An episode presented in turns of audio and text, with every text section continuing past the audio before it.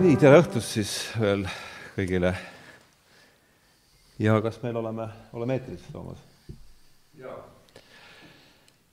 nii ähm,. Äh, me leppisime sinuga kokku, kuidas me alustame seda asja, aga ma ja. enne siiski, kui ma selle protse-, kokku lepitud protseduuri juurde lähen äh,, tahaks ma su käest küsida sellist asja ja, ja noh, ilmselt ma aiman, et see vastus on, ju ta on jaatav, aga et, et ju on tegemist siin sellise üldinimliku kogemusega, aga aga on sul sellist hetke elus olnud, kus sa tunned, et on mingid probleemid, millega sa oled tegelenud, ma ei tea, kakskümmend aastat tagasi viimati, mingid raamatud, mida sa lugesid kümme-viisteist aastat tagasi ja nüüd tunned, nad on järje, järje, jälle muutunud su elus oluliseks ja, ja sa lähed nagu nende probleemide juurde tagasi, et tuleb see seisund sulle kuidagi tuttav ette üldse?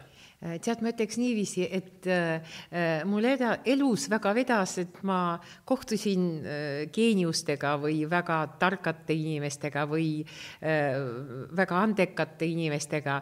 Ja äh, tead, nende inimestega on niiviisi, et äh, aeg läheb edasi, sina saad vanaks, aga nende sõnad ei vanane ja nad ikka soovitavad mulle, kuidas käituda, mida teha, millist äh, lahendust leida probleemis ja nende hulgas on kindlasti Juhan Viising. Äh, nii et selles mõttes jah, ma tulen tagasi ja mõtlen, kuidas, mida ta võiks öelda mulle ja mõnikord ta ütleb mulle, et äh, ta vastab küsimustele, kas oma luuletuste kaudu või oma näo kaudu või, või mingi mälestus tuleb ette ja siis sa mõtled, et Juhan oleks teinud nii või naa või, või selles, selles mõttes ma tulen tagasi, tihti tulen tagasi. nojah, miks ma küsin, et mul on endal mõneti samasugune tunne, et noh, mingid asjad, mis olid siin võib-olla jah, ütleme selle sajandi alguses olulised, on jälle nagu uuesti päevakorra kerkinud ja ja noh, natuke taustaks, et äh, miks, miks see saade ja, ja, ja, ja miks Jelena, et et, et jah, et no ma arvan, kusagil kakskümmend aastat tagasi ma lugesin Viidingut päris, päris hoolega ja ma tundsin, teadsin teda palju peast. ja nüüd ma olen viimastel äh, noh, nad kuudel ka järjest nagu hakanud selle poole tagasi pöörduma ja ma mõtlesin, et kui mul see saade mõte tuli, siis ma noh, tükk aega mõtlesin, et kes võiks olla esimene saatekülaline ja ja siis ma nägin ühel päeval lauanurgal seda Jelena äh, tõlkeraamatut ja mõtlesin, et jah, ma tõlkisin kolmkümmend aastat seda pisikest, peenikest raamatut. kolmkümmend aastat? kolmkümmend aastat, kui võtta nii kokku, muidu mul on palju raamatuid ja ma kirjutan neid hästi ruttu ja tõlgin ka ruttu, aga äh, need luuletused ikka, ma pidin aru saama, mis seal taga on ja nad on väga sügavad ja ma arvan, et Juhan oli tõesti luulegeenius ma ei tea, kellega võrrelda teda. võib-olla äh, vene luge-, lugeja jaoks ta on nagu selline Eesti Vysotski mm, isegi on, nii öelda? jah, ma, ma ütleks niiviisi mm., et äh, ka näitleja, ka Hamlet, äh, ka parima teatri, tol ajal kindlasti ja, parima teatri, jah ja,, kindlasti väga hea luuletaja, kindlasti need luuletusi võib laulda ja paljud neist lauldakse ja ta, ta on selline renessanssne geenius, ta oskas kõike. välimusega nad on ka natuke sarnased Võssots, ma ei ole kuna, ma ei ole kunagi niimoodi mõelnud, jah, jah, ja äh, nii, et teda äh, siis, kui ta, me elasime veel ühes hoovis ja olime lapsed, siis tal oli hoovi nimi Geenius mm. ja äh, hüüdnimi oli selline ja mis sa tahad, noh, ta on ju geenius ja äh, ikkagi Vysotski oli ka geenius juba äh, siis, kui ta oli täitsa noor ja kõik laulsid tema laulu ja kõik teadsid tema luuletusi. no tõesti, see oli selline sümbol ma mõtlen, et äh, vene inimese jaoks äh, Viising oleks nagu Vysotski mm nojah, oota, Satski, mul tuli kohe eelkõige see nagu see, Satski juures võib-olla niisugune karedam mingi niisugune vangiromantika, mis käib sealt no see on mõeldud, lihtsalt ja, välja ja, mõeldud, aga ei, midagi, äh, Juhan ju mängis ka igasugust osi, et äh, mm. muidugi tal ei ole ega vangla et seetõttu oli esimene reaktsioon nagu üllatus, aga kui sa seda teatri Aha. poolt räägid, siis muidugi küll. teatri poolt jah ja,, kindlasti. ta oli äh, täitsa teatri inimene ja elus mõnikord ta ka mängis niiviisi, et nagu no teised näitlejad ikka elus katsuvad näidata, et nad pole üldse näitlejad, aga Juhan oli nii suur näitleja ja nii suur luuletaja, et ta lubas endale mängida elus ka. Mm.. ja see oli väga huvitav mäng alati. sa iialgi ei teadnud, kas ta tõsiselt räägib või teeb nalja. nagu sina täna kutsusid meid tantsima. No väga väike vimka käib ju ikkagi äh, asja juurde.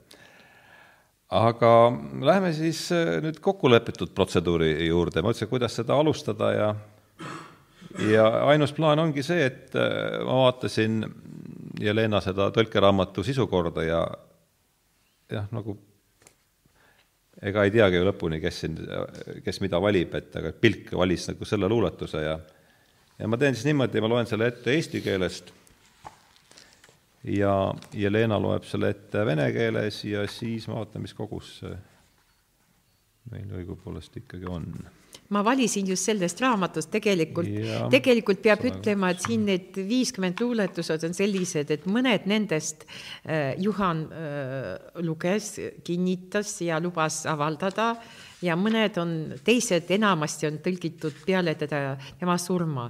ja muidugi need, mis on tõlgitud siis, kui ta oli elus, ma tõlgisin väga vabalt, väga vabalt. Äh, tähendab, ma ise kirjutasin tol ajal väga palju luuletusi noorelt ja pärast, kui ma tõlkisin, siis ma enam oma luuletusi enamasti ei, noh, võib öelda, et ei kirjutanud, et aeg oli juba proosa jaoks. nii et ma tõlkisin väga hoolega, niiviisi väga täpselt, et nagu, nagu Juhan pikendas minu luuletaja elu mm. -hmm siis, kui ta oli elus, siis me mõlemad kirjutasime luuletused ja ta lubas mind ükskord tõlkida ka. ja meil oli selline jutt, et minu luulet-, luuletused on väga, väga mehelikud, aga äh, tema luuletused on mõnes mõttes nagu näitleja sellised naiselikud. Äh, ta tihti nutab luuletustes aga mina ei nuta iialgi.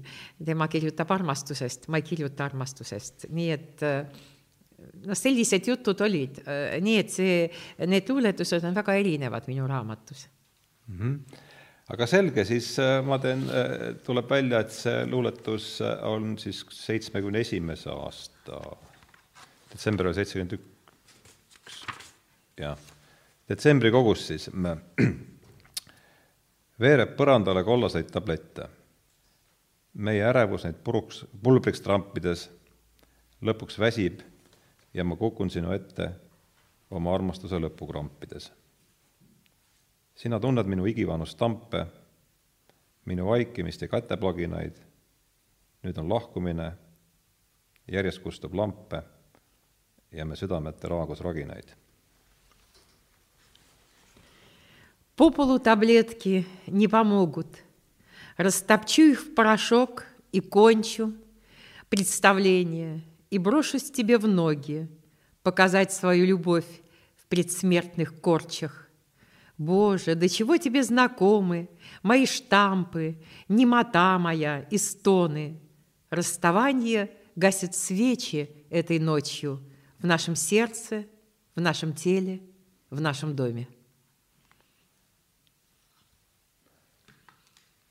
Kuidas noh, ütleme ma vene keele nüanss, see on suht, see on ikkagi suhteliselt, see on suhteliselt lähedalt tõlgitud või? kuidas sa ise hindad, ütleme, võrreldes nende teiste et sa ütlesid, et osasid asju sa oled tõlkinud äh, ja mina ei ole ammugi mingi luuletõlke ekspert, nii et ma olen ikka äh, tulnud siia kuulama. aga et mulle, mulle tundus, et esimene reaktsioon mul oli, et see oli suhteliselt lähedale nagu tõlgitud või, või mis sa ise ütled? Äh, ma, ma, ma pean ütlema niiviisi, et vene keeles räägitakse niiviisi, et tõlgitud luuletus on nagu naine. kui ta on ilus, siis ta ei ole truu. kui ta on truu, siis ta ei ole ilus tähendab, kui ennem teised tõlgijad katsusid Juhanit tõlgima, nad tõlgisid sõna-sõnalt väga täpselt. Ja ta kadus ta kadus, teda ei olnud vene, nagu vene luuletajana. ja siis, kui mina hakkasin tõlkima, siis kõik ütlesid, oh, kui hea luuletaja on Juhan Viiding, et mina tol ajal kõige tähtsam minu jaoks oli, et see vene keeles kõlaks väga hästi, et see oleks vene luule et äh, ta oli hästi äh, rütmiliselt riimitud ja kõik selles mõttes äh, formaalselt vene luule järgi tehtud. sellepärast, et Eesti luule on täitsa vaba, ta võib nagu proosa olema, ta võib nagu vaba värssis olema, ta võib riimitud olema, need riimid võivad tulla ja kaduda, aga vene keeles seda teha ei tohi hmm.. sa valid seda vormi või seda vormi, kui Läheb sa valid palju rohkem vormis kinni siis? Äh, sa oled täiesti vormis kinni mm., äh, sa valisid selle vormi ja sa hoi-, hoiad seda vormi.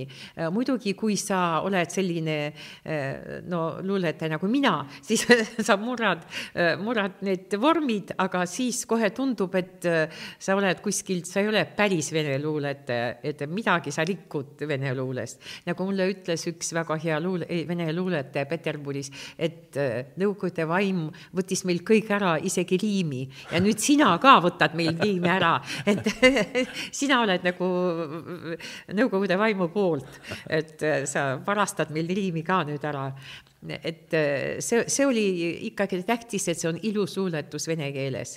sellepärast, et nagu Juhaniga tihti räägitud on, et Eesti luuletaja ikka loeb luuletusi nii, nagu ta räägib. ta istub, ta mõtleb, ta räägib normaalse häälega vene luuletaja alati seisab, vehtleb kätega, karjub, nutab, äh, mängib, mängib seda luuletust nii, et ta äh, kuidagi pigistab pisarad kuuldajatelt ja ise nutab ka. Ja Juhan kuidagi ütles, et kui näiteks mees on kirjutanud luuletuse, las meesterahvas loebki seda, no näiteks estraadil või laval ja ütles, et kui sina tõlkisid, sa ei tohi minu luuletusi lugema vene keeles, otsid mõni vene näitleja, meesterahvas, kes loeb neid. ma ütlesin, kui mina juba tõlkisin, mina ise loen ka ise. ega ma ei anna kellelegi lugemiseks. no tal oli selline värk, et ta ütles, et kui mees kirjutas, mees peab lugema nii et kui võtta just selle luuletuse, see on kuidagi, kuigi Juhanile see meeldis aga, aga ikkagi see. Need sa tõlkisid siis Johale, Johani eluajal, ma saan aru? ja, jah, jah, ja nii, et ta võttis seda vastu ja oli nõus, aga muide, ta oli selline, et täna ta võttis vastu, homme ta ütles, et tead, ma mõtlesin ümber. ja siis ülehomme tuli äh, jälle külla ja ütles, et tead, ikka see, sa tõlkisid geniaalselt, lihtsalt geniaalselt, loe veel ükskord ette äh, ma loen ette, ta ütleb, mis jama see on. tead, kodus tundus, et oli see hea, nüüd ma saan aru, et ei, see on jama, ei, nii, seda ma ei võta, läheb ära, siis möödub kaks nädalat, helistab ütleb, tead, ma tulen külla mõtlesin, et ikka väga hästi sa tõlkisid.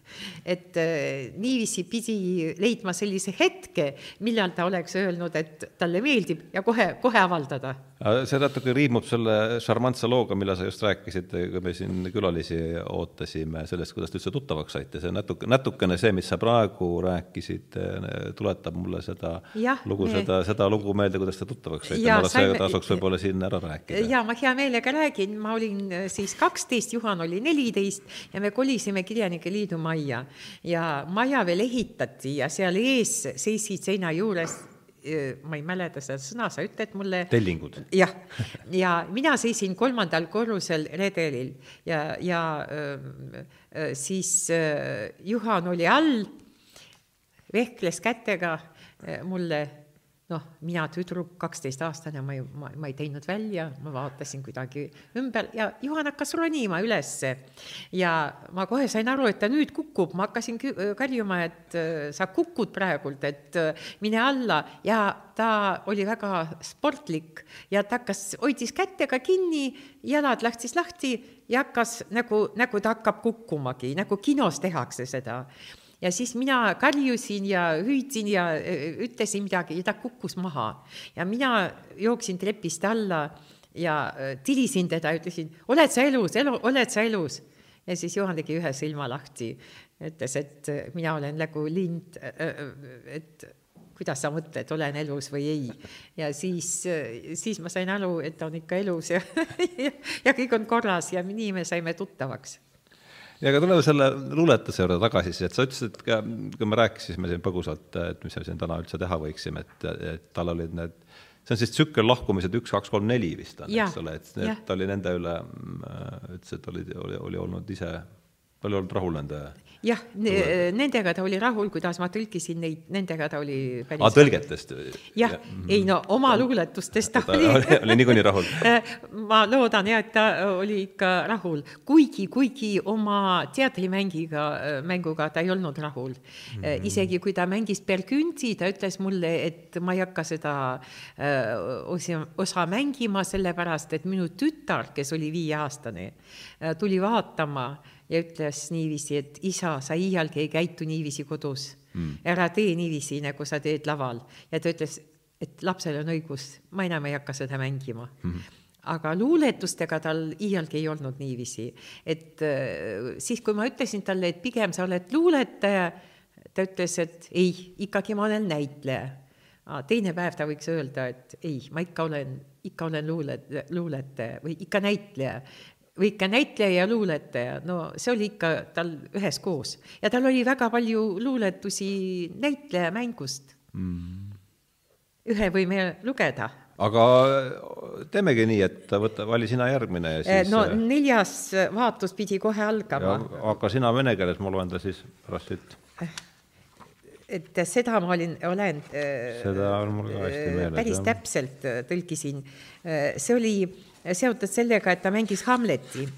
Ja paljud inimesed kadestasid äh, teda. Ja mulle räägis läinud Lembi Tulpsak, et äh, tema pidi äh, ka mängima seda, aga noh, Juhan ja siis tema, Juhan ja siis tema.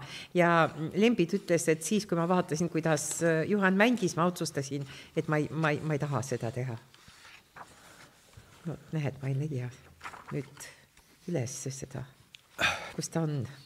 sa leidsid juba? mina leidsin, aga lase, hakka sina siis äh, praegu vene keeles pihta. no, no ma ei saa pihta alustada, sellepärast ma ei leidnud no, võta, veel. võta rahulikult aega. ma vaatan, eesti keeles on ta siis kogus äh,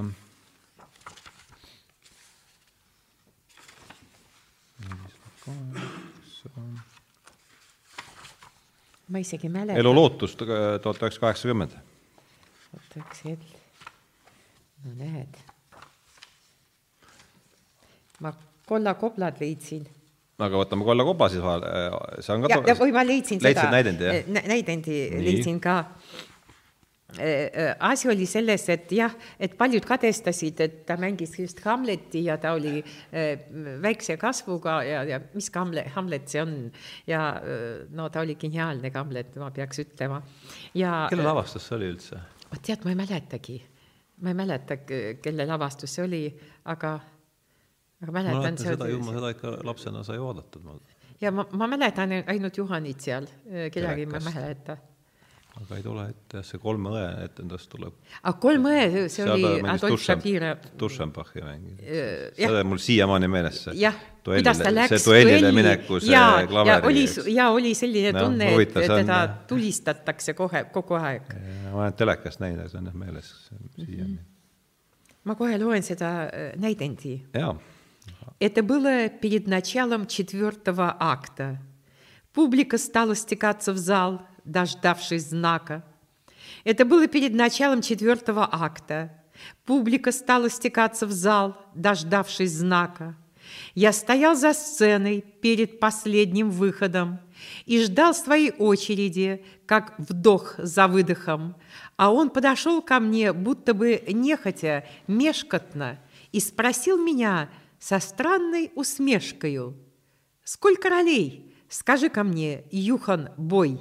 Ты сыграл не на жизнь, а на смерть, а все живой. Сколько ролей, скажи ко мне, Юхан Бой, выводили тебя на сцену, как будто бы на убой. Я ответил ему, что было таких четыре, когда артисты со сцены меня на руках выносили.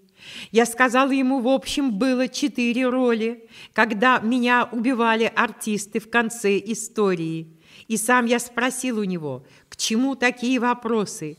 Либо публика нас на руках несет, либо могила уносит. И сам я спросил у него, к чему такие вопросы? Либо публика нас на руках несет, либо могила уносит. Он ответил с усмешкой, что есть такая примета. Если на сцене умрешь, то и в жизни не взвидишь света. Если на сцене умрешь, то уже поминай, как звали, не вспомнят и не отыщут, и не найдут в завалах. «Быть беде, Юханбой», — говорил он и улыбался, Как медленно сцена шла, и занавес опускался. Мы встретились с ним глазами, когда закончилась пьеса. Мы кланялись, и на сцене обоим хватало места. Mm. -hmm. no vaatan, kuidas see mul siis eesti keeles ja. välja tuleb. ammugi ei ole ma mingi vilunud deklamaator no, ma vaatan, venelased kõik deklameerivad, jah. ma, ma kindlasti jään istuma, igatahes seda ma luban. Äh, neljas vaatus pidi kohe algama. publik kogunes, sest antud oli märk. neljas vaatus pidi kohe algama, publik kogunes, sest antud oli märk. Mind peatas enne viimast etteastet üks käharpäine mehine kolleeg ja seistes trepil kõrgemal paar astet, mult küsis nii see mehine kolleeg kui palju, Juhan poiss, sul olnud, sul olnud osi neid, kui palju, Juhan poiss, sul olnud osi neid, kus mängu käigus surma saama pead? Neid osi peast, kas nimetada tead? ma vastasin, neid olnud neli-viis, ma vastasin, neid olnud neli-viis ja küsisin, et miks sa küsid siis? ja küsisin, et miks sa küsid siis mu meeskolleeg siis silma vaatas mul ja ütles nii. kas on ka teada sul? kas sa ka tead? kas sina seda tead, et see ei pidanud tähendama head? Ta küsis nii, et kas on teada mul?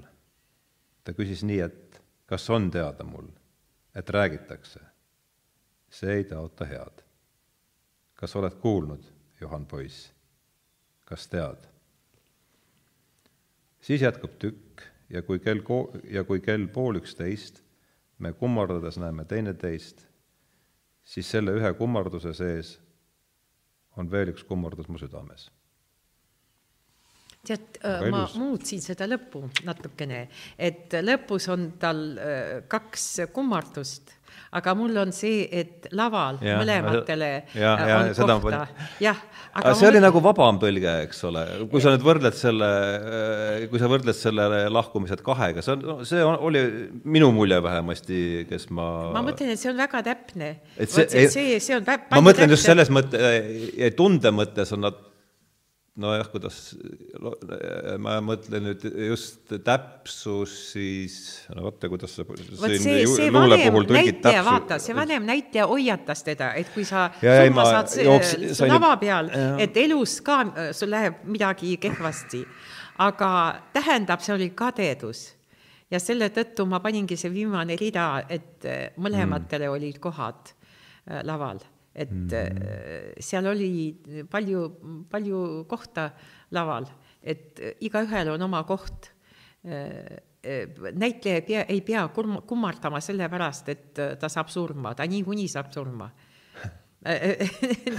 kas laval või väljaspool lava, nagu Juhanil juhtus ja kuidas ta lõpetas oma elu, me teame.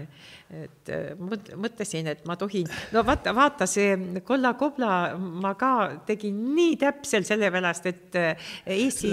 nüüd ongi see, vot see huvi, äh, mul, ma hakkasin juba ise nagu mõtlema, et kuidas, kuidas ma üldse, mida ma üldse küsisin, kui ma küsisin, et täpselt tõlgitud, et me saame ja. ju rääkida sõnasõnalisest täpsusest, mis võib, võib olla justkui täpne, aga samas jällegi luuletuse noh, mõttega või noh, mõte, luuletus on tunne, et ta võib olla jälle selles, see sõnasõnalisus võib ta minna ju noh, see on banaalne muidugi, millest ma siin ei no, no tõesti, tead, kui sõna-sõnalt tõlgid, siis äh, see äh, luuletus lihtsalt kaob ära. et näed, et sul käes mitte midagi aga, ei ole, vesi lä lä äh, läks läbi ja kõik. aga mulle tundus, et see, selle lahkumised kaks oli, oli ta, hoidi, oli nagu sellel sõnal, eestikeelsel sõnal lähemal, kui, kui see näidenditõlge või, või mis sa arvad? Ei, ma ei arvan, ei, no, no lihtsalt mina arvan, et see oli vot see on väga täpne mm. -hmm. sellepärast, et ma kohe, kohe näen teda Hamleti rollis ja kohe näen, kuidas ta kirjutab selle luuletuse ja neid luuletusi kirjutasid kõik. sa siis tõlgid kes..., tõlgid ikkagi pilti? tead, ma tõlgin, tead, ausalt ma mida kirjutan, sa, mida sa, mida sa tõlgid õigupoolest? Äh, et tegelikult ma kirjutan oma luuletuse, aga mm. seda luuletust inspireerib see eh, luuletaja, kes annab mulle võimaluse seda luuletust tõlgida. aga tegelikult ma nagu, nagu varastan tema luuletust ja varastades ma annan midagi tagasi no kuidagi see on väga keeruline asi. Äh, näiteks noorelt sa kirjutad sellepärast, et sul on õnnetu armastus, eks ju, mingit teist, teist põhjust luuletusi kirjutama ei ole. ja tead, tuleb see aeg, millal sa tahad, et armastus on õnnelik, et sul ei ole enam äh, sellist jõudu ja tervist, et kannatada õnnetu armastust.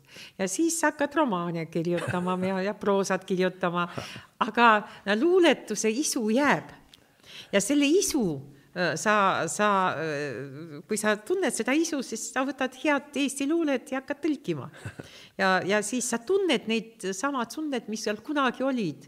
ja muidugi sa saad aru, sa, et sul mõnikord läheb, äh, no mõned tõlkijad ütlevad, et tead, noh, originaal oli palju kehvem kui mina, minu luuletus. see on muidugi jama. kui sa oleksid siis ise kirjutanud hea luuletuse, ikka see on partneri töö mm ja muidugi, kui äh, luuletajaid enam ei ole ja ta ei saa vaielda, siis on kergem, äh, su sa, sa, sa üksinda armastad, sa üksinda kannatad seda kõik, äh, kõik need raskused et äh, ma tean, et näiteks äh, no täna lõpetas äh, minu uue romaani tõlkimist inglise keelt Baum Staub ja ma olen kindel, et ta ei taha, et ma loen et ma olen kindel, ta teeb kõik selleks, et ma saan viimasel hetkel ja kui ma loen, siis ta hakkab nerveerima nagu iga tõlkija. et tahaks, et sa ise vastutad selle eest aga noh, hästi, sa ütled, et sa kirjutad oma luuletuse, võttes siis selle, aga mida see kas see mõtlemine on ikkagi valdavalt pildiline või, või kuidas sa? no tead, ma äh, analüüsin ikka iga sõna mm., mis seal sõna taga on, no näiteks see, võtame selle väikse luuletuse kahest sõnast. Äh, hinge haigetele, hingearstidele, kaks sõna, hingehaigetele, hingearstidele eks ju mm, -hmm. rohkem seal polegi midagi. Vene keeles see kõlab niiviisi душевно больные должны лечиться в душевной больнице et see, see on täitsa teistmoodi, sellepärast et nagu eesti keeles ja vene keeles on sõna hing ja on sõna vaim mm. -hmm. ja vaim vene keeles on see, mis on palju kõrgem kui äh, hing. et äh, vaim on see, mis seob meid Jumalaga Eh, hing on see, mis seob meid eh, kehaga eh, nii-öelda. Ja vene keeles ei saa öelda hingearst, sellist sõna ei ole. aga tegelikult ma panin selle sõna, selle, see sõna on, aga see ei tähenda psühhiaater, see tähendab, et see on lihtsalt hea inimene Duše, heatahtlik. dusevne človek. dusevne človek, dusevne človek, see on taha, see inimene, kelle juurde sa võid tulla, kellele sa võid rääkida oma äh, probleemidest, äh, see on sinu sõber või see on tänaval see inimene, kes annab sulle käsi, kui sa kukud äh, või see inimene, kes annab sulle leiba, kui sa oled nälg, nälg, no, no lihtsalt dusevne človek mm. -hmm. ja see on hoopis teine mõte, aga tegelikult see on seesama mõte sellepärast, et äh, Juhanil on ju ka äh, mõte, et äh, hingehaiged peavad hingearstide juurde tulema nende arstidele, kes saavad aru, mis see tähendab, mis see hingehaigus tähendab. Vene keeles on kaks selliseid varianti, kas on või skordnõi duhom ja need on erinevad sõnad, ühed esi-, skordne duhom, see tähendab, et neil ei ole praegult Jumalaga mingit sidet et, et nad kaotasid seda sidet. aga duševne balni, see tähendab, et lihtsalt hullud, hullud inimesed ja kõik. ma lihtsalt ja... vaatan selle järele, et mul oleks. no ongi need mm -hmm. kaks sõna, et. aga see läheb, see, lihtsalt kui me hakkasime rääkima, siis oleks hea võib-olla kuulajatele ja vaatajatele anda vii-, viided, mis siis, millest jutt käib, viissada kolm, vaatan kohe, see on. jah see on ka kogust ikkagi siis äh, hingehaigetele, jah, tänane palun tuhat üheksasada kaheksakümmend kolm. jah. ja ta on siis selline, et hingehaigetele, hingearstidele. ja kõik. ei, ta läheb edasi. ta läheb edasi, mul ei läinud edasi. aa, sulle aa, ja sa võtsid selle fragmendi sealt, jah? aga ja kuidas sa, ütleb, kuidas sa vene keeles tegid selle? Э, душевно больные должны лечиться в душевной больнице. Душевно ja see duševne, see teine duševne on sellest duševne tšeloveki tähenduses. jah, jah, jah. et Oot. lihtsalt need, kes on haiged, nad, need, need on haiged sellepärast, et eh, meie maailmas on vähe eh, sealt hea tahtmist või, või sellest noh, heaid inimesi on vähem kui halba inimesi. ja oleks, kui oleks vaja, jah. jah, ja ma mõtlen, et Juhan sellest ka mõtles. aga ikkagi see on tema, see on tema luuletus no ma ei tea, võib-olla võtame veel. no võta, võta, vali sina. tead, äh, ma ei taha, ma ei taha hulluks minna. no see on täitsa küll jah, niisugune äh, tuttav luuletus ma ei taha hulluks minna tuttav tunne ka. kas loen mina esimesena või, või leia otsid või loe sina? loe sina, loe sina. hakkan lugema kohe ja, nüüd. hakka, anna tuld. Мне страшно, и безумие мое всегда при мне, особенно в дороге, Особенно, когда чуть-чуть продрогнешь, и свет мелькнет в заснеженном окне. Как пес ко мне в глубоком темном сне спешит и ластится, и рвется на бумагу, и лакомится темной красной влагой, и гаснет свет в заснеженном окне. И я бегу из темных душных комнат, и мне свидание назначает полночь, и мы стоим, я ощущаю кожей, как ночь в меня незваным гостем входит, прозрачная, берет меня в тиски, освобождает болью от тоски, и запах счастья источают тени движением остановленных мгновений. Тиски сжимаются — но мой последний крик тебя догонит полночь, мой двойник hmm.. vaata siis Eesti keeles äh, ma ei tea, kas see seisund äh, seal ja seda on no, tuttav luuletus ju küll, jah. seisund. ma ei taha hulluks minna ja ma kardan. üksi olles õhtul võõras elukohas, kardan kellaseiereid oo, kui suured on mu soovid. tahan kirjutada ära ühe elunägemuse. tulitab, leegitseb, tulitab, leegitseb taevas, põhjatu vanadus. kiljatus pomminaks saab. kodumaa pealinna ääremail seisan ja kohtun ööga. pimedus tuleb mu sisse, helendav pimedus.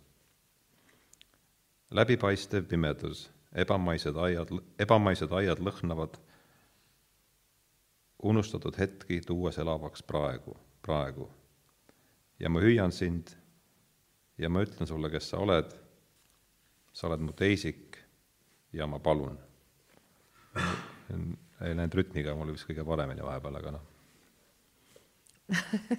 tea, ega see ei olegi, seda on eesti keeleski keeruline lugeda natukene minusugusel, noh, kes ei ole nüüd analüüsi küsimustes kõige tugevam. millest sa räägid, et lugeda on seda, raske või, või, või no, ütleme, esineda sellega on raske? no või... esineda niikuinii, aga ega jah, et sa mõtlen, seda et... siin annab ikka niimoodi nüüd kohe nagu mõtelda, et mis siin siis nüüd, mida meile siis siin õigupoolest räägitakse? no räägitakse ikka, et ma ei taha hulluks minna, aga, aga lähed, aga küll. lähed ja see, see pime öö on sinu kaksik mm.. ja, ja, ja ta võtab sind kinni.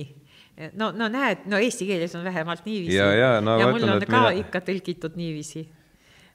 nojah, mina ju käisin tipikoolis et seetõttu mul läheb natuke aeglasemalt see, aga jah nüüd ma niimoodi jah, nüüd ma loen küll niimoodi jah, seda asja, aga alguses võtab ta ikkagi jah, see on mul hästi meeles, et, et üksi olles õhtul võõras elukohas kardan keelasaiereid mm. -hmm. aga sealt see, mis sealt juba edasi tuli, see oleks, on mul olnud nagu noh, nagu raskemini adutav.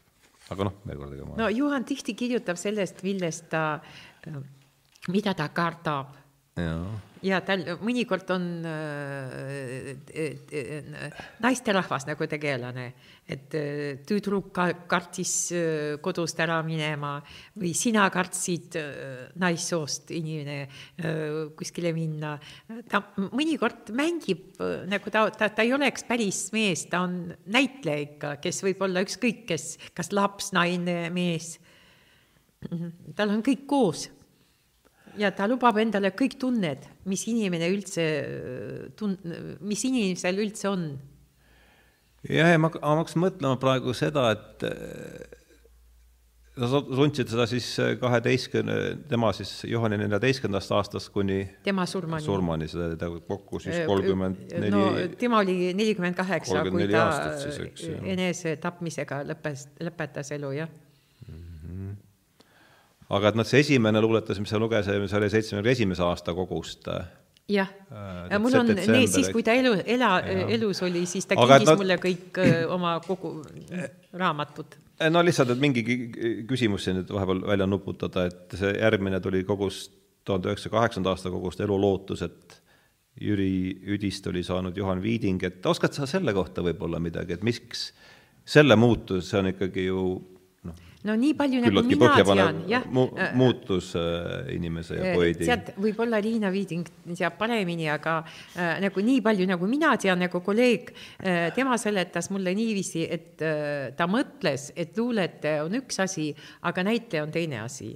ja ta ei tahtnud, et äh, nagu näitlejad äh,, nagu näitlejad teda äh, no teadsid juba väga hästi ja ta ei tahtnud, et see näitleja aitab äh, teda nagu luuletajat pärast ta ei tahtnud, et luuletaja aitab näitlejad mm. -hmm. aga pärast, lõppude lõpuks ta ütles, et ma olen üks inimene ja, ja ma olen nüüd, ma, tal oli ju kogumik Ma olin Jüri, Üdi ja Saasta enam ei ole, enam ma olen Juhan Viiding.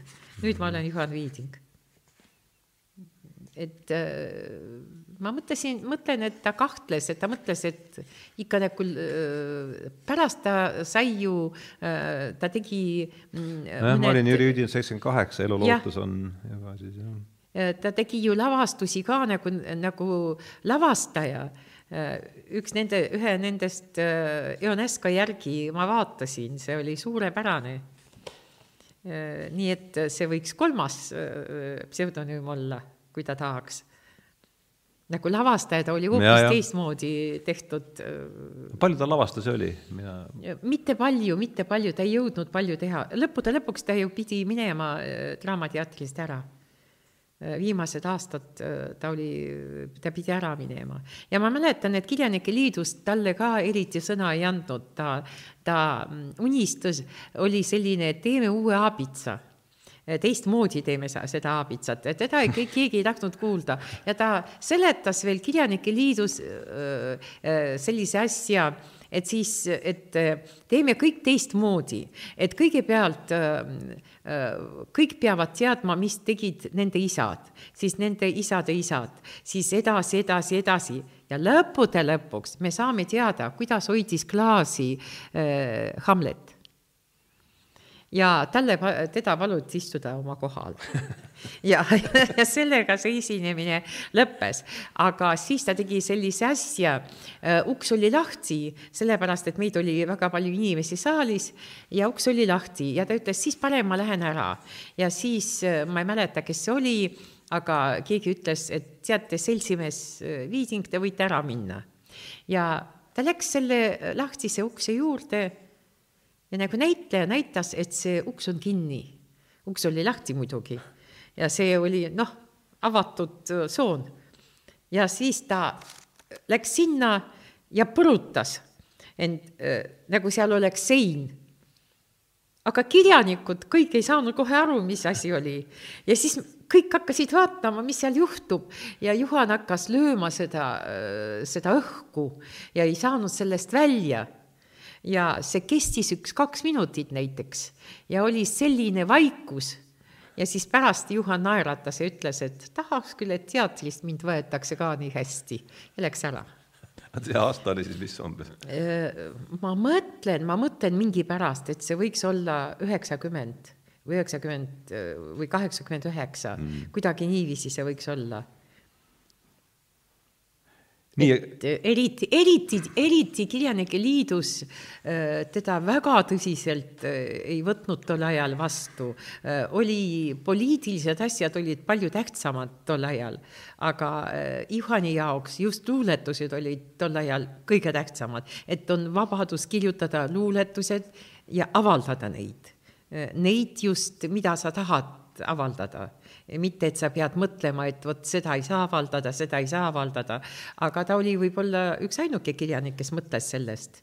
kõik teised mõtlesid ikka poliitikast rohkem mm. -hmm. nii et tal oli selline, no mulle tundus, et temal oli selline konflikt mitte ainult teatris, vaid Kirjanike Liidus ka võib-olla seda ei olnud näha, aga tundus, et ta käitus teisiti, et teda huvitavad teised asjad. Nagu, nagu ma rääkisin sulle ennem, ta kogu aeg ütles, ütles, et äh, iga luuletaja on emigrant. -hmm. ja ta ütles kogu aeg äh,, kutsus mind Draamateatrisse ja seal oli seal lavastus, Moskva äh, näitlejad tõid lavastuse emigrandid ja pärast nad kohtusid Eesti näitlejatega ja nad ei teadnud, kuidas käituda, et Eesti sai oma vabadust ja, ja need Moskva näitlejad ei teadnud, kuidas nüüd käituda, kuidas nüüd öelda, et nad on selle poolt, et Eesti sai vabadus, et nad tahtsid seda näidata, aga ei teadnud, kuidas seda peab näitama.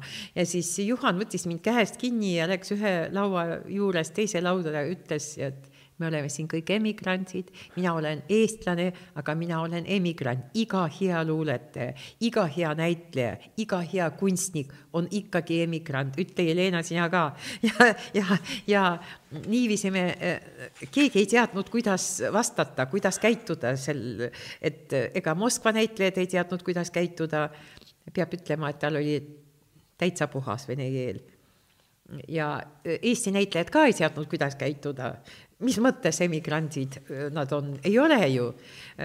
ja tähendab, Moskva näitlejad ka ei teadnud, kuidas reageerida, mis, mi-, nad ei ole, nad on külalised siin nüüd, ennem nad olid Nõukogude Liidus, nüüd nad tulid külla et see emigrandi jutt oli väga imelik praegult me võtame seda täitsa normaalselt, eks ju, me arutame, mõtleme, tol ajal kõik rääkisid ainult vabadusest, vabadusest, et üks riik sai öö, oma vabaduse ja saab olla öö, täitsa vaba, aga Juhan vaatas nagu edasi, kuidas elab kunstnik, kuidas tema saatus on kas tema jaoks on tähtis olla vaba, võib-olla tema täht-, tema jaoks on tähtsam olla vanglas sellest peab kõik, iga luuletaja mõtlema, kus aga, tal on parem. aga mida sa ise oma elust mäletad siin kaheksakümnenda aastate lõpus, et ega see, noh, see on ikkagi teistsugune ju arusaam, et noh, ma kujutan ette, et siin tormasime siin kes, kes suurema, kes väiksema entusiasmiga Lauluväljakule ja ja mujale, aga et noh, noh, sul ei olnud ju, sul ei saanudki olla selle murrangu suhtes ju no kuidagi see taju pidi olema teistsugune, et oskad sa kuidagi midagi, mingit lugu rääkida sellest, et et noh, kujuta ette, on aasta on kaheksakümmend kaheksa, me keegi ei kujutagi ette, et see riik võiks üldse kunagi laguneda ja, ja kahe aasta pärast on ta, on ta, on ta, on ta äh, juppideks lagunenud, on sul kuidagi sealt oma, ma mäletan, mäle-, ja, jah, tead, ma mäletan seda väga hästi, et mulle helistati äh, ühe päeva jooksul, äh, helistati Moskvas äh, ja ütlesid, et te peate kohe valima. meil oli ju Kirjanike Liit ühine, Nõukogude Liidu Kirjanike Liit. ja äh, mulle helistati ja öeldi, et, et te peate nüüd valima enam ei saa olla niiviisi, te peate kas Eesti Kirjanike Liidu minna või äh, Vene Kirjanike Liidu ja te olete vene kirjanik ja muidugi arusaadav, et te lähete meie Kirjanike Liidu sel samal päeval helistavad mulle Eesti Kirjanike Liidus ja ütlevad, et tead, Helena, asi on selles, et sa pead valima, kas sa äh, tahad Eesti Kirjanike Liidu äh, dokumenti saada, me kirjutame neid välja praegult, või sa lähed sinna siis helistab mulle kolmas, äh, see on ja see, see, see oli ka äh, Venemaal, aga äh, tähendab, see oli uus kirjanike liit, mis, kes võttis vastu vene kirjanikke, aga mitte neid, kes olid Nõukogude Liidus. No mm -hmm, vene kirjanikud üle maailma ja, ja, ja. ütlesid, no tähendab, Ben klubi võib öelda niiviisi. Ja siis nemad pakkusid mulle ka koha ja siis äh, äh, sai teada, et ma võin valida, kas ma äh, võtan kodakondsust, Vene kodakondsust või Eesti kodakondsust. see aasta ongi siis üheksakümmend üks kuskil või? umbes nii jah ja., ja see kõik juhtus ühe päeva jooksul mm. ja siis mulle helistab, ma, tundub, tundub, et see oli Jaak Jõered, Jõered, Jaak Jõered, aga ma võin eksida, tundub, et ikka oli Jaak. Ja ta ütleb, et tead, Helena, meile anti äkki kaks kohta, et me võime kodakondsuse anda, et äh, inimesele, kes midagi head tegi Eesti kultuuri jaoks. Ja me mõtlesime, mõtlesime, pakume sulle selle, seda kodakondsust, sa ei pea mingit eksamit tegema, keeleeksamit, midagi, et lihtsalt noh, saad kindut-, kingituseks, et äh, mõtle, kas sa tahad ja sel samal päeval mulle helistati ka äh, ja pakuti, öeldi, et äh, mul on võimalus valida äh, Vene, Venemaa kodakondsust ja neid asju pidi päris ruttu otsustama mm. ja neid pidi üheskoos kõik otsustama. ja ma otsustasin hästi ruttu, ma võtsin Eesti kodakondsust, ma võtsin, läksin Eesti Kirjanike Liidu, ma olin väga õnnelik, et Eesti sai vabaks. Ma unistasin sellest, ma tahtsin seda, ma tahtsin siia jääda, ma tahtsin olla Eesti Kirjanike Liidus, aga ma jäin vene kirjanikuks. ja alati, kui mind küsivad, kes ma olen, ma ütlen, et minu kodumaa on e, e, vene kultuur, vene ja vene kirjandus, aga minu kodu on Eestimaa. nii et valik ma tegin hästi ruttu, tähendab, ma ei teinud seda valikut, ma elasin nii, nagu ma elasin terve elu. ja ma jäin elama sinnasamasse korterisse, kus ma elan aga räägi üldse, et kuidas sa, ma olen nüüd seda marmorluike algust juba, ütleme, esimese poole jõudnud läbi, mul on see lugu täna tuttav, aga paari sõnaga, et kuidas sa üldse siia sellesse maailmanurka sattusid? tead, ma sündisin siin no, muidugi eh, minu isa äh, oli Ukrainast, minu ema oli ka Ukrainast äh,. isa läks vabatahtlikult sõjale ja ta lõpetas sõda äh, Soomes ja siis teda visati siia, mitte visati, noh, pandi siia mm. Tallinnasse ja ta tahtis Kiievisse tagasi tulla, kust ta oli pärit, aga siis ta sai kosmopoliitiks, see tähendab, et need olid need inimesed, kel kellel nagu ei olnud kodumaad ja äh, ta sai, ta oli partei liige, aga ta kirjutas ühe artikli, kus ta kirjutas, et Shakespeare oli kõige parim luuletaja maailmas. Ja selle tõttu teda kutsuti partei koosolekule, sõimasid äh, ja viskasid ajalehest välja ja tal oli keelatud kirjutada, ta oli kirjanik, tal oli keelatud kirja, kirjutada, tal oli keelatud töökoha saada ja ta, ta ei olnud keegi enam peale seda. ja mm, selle nimi oli Kosmopoliit, oli selline mm -hmm. ja see oli aasta nelikümmend üheksa mina sündisin üks aasta hiljem. ja äh, muidugi kuskile ta ei saanud ega kolida ega sõita ja ega kirjutada ega raha teenida ja ta leidis endale äh, kuskil raamatukogus ühe väikse-väikse koha äh, ja üks inimene, kellel oli kõik korras, pakkus talle, et minu isa kirjutab romaani, see inimene, inimene paneb oma nime pealkirjaks ja siis honorari nad teevad pooleks isa oli nõus, aga ütles, et tema nimi peab ka olema seal noh, et nad kahe, ta kirjutab selle romaani, aga mõlemad nimed ikka on seal kaane peal. ja õnnestus see romaan nii palju, et äh, ta tiraaž oli kaks miljonit ja kõik kuul... ja aasta on meil siis umbes praegu? Äh, see oli aasta viiskümmend kaks äh, ja, ja siis talle isale pakuti, et ta saab selle Stalini preemia. ja isa ütles, et ta ei taha Stalini preemiat no teda küsiti, kas ta tahab no esitada oma romaani Stalini preemia, ta ütles, et ta ei taha. kuigi ta oli kommunistipartei liige ja usus, et kõik me lähme kommunismi poole, nii natuke, aga see, see kindlus, see kindlus oli väga, väga no tei-, teistmoodi juba peale seda, mis ta kannatas kõik ära ja kuidas ta nägi, kuidas see kõik käis. aga ta äh, äh, hakkas ise kirjutama äh,, nad kirjutasid selle veel, veel ühe romaani koos ja pärast ta sai, Stalin suri ära ja isa sai võimaluse ise kirjutada ja ta enam selle koos autoriga enam ei kirjutanud, kirjutas ise ja sai äh, siin Eestis äh, kõik tema raamatud on äh, tõlgitud eesti keelde. nüüd paar aastat tagasi Ingrid Velbaum-Staub tõlgis uuesti kõik luulenovellid ja äh, äh, Petrone print andis välja tema luulenovellid äh, eesti keeles ja ka vene keeles.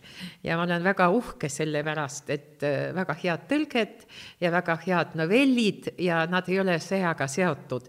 ennem nad olid kõik seotud, tema romaanid sõjaga, aga ma valisin need kuus, mis olid seotud ainult õnnetu armastusega ja kui ma lugesin ja kui minu tuttavad lugesid, nad ütlesid, et vähemalt on arusaadav, millest see on kirjutatud ja me nutsime lugedes, et siis, kui sind loed midagi aru ei saa. kui loed sinu isa, ikka saad aru, millest see on, see on inimesest ja ta armastab inimesi, ei tea, kas sina armastab, armastad neid, sul on kõik keeruline liiga, liiga. ja ma olin väga õnnelik, et see juhtus.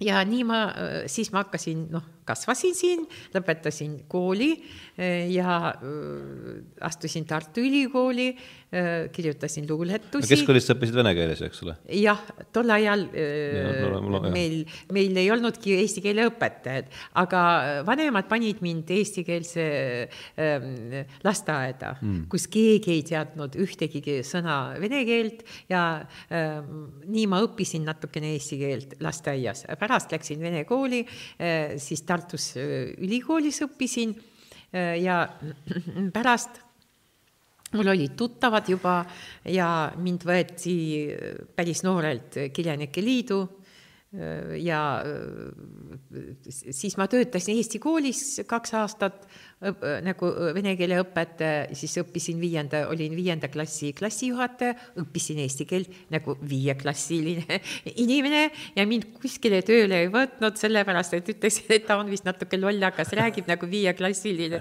no viienda klassi inimene.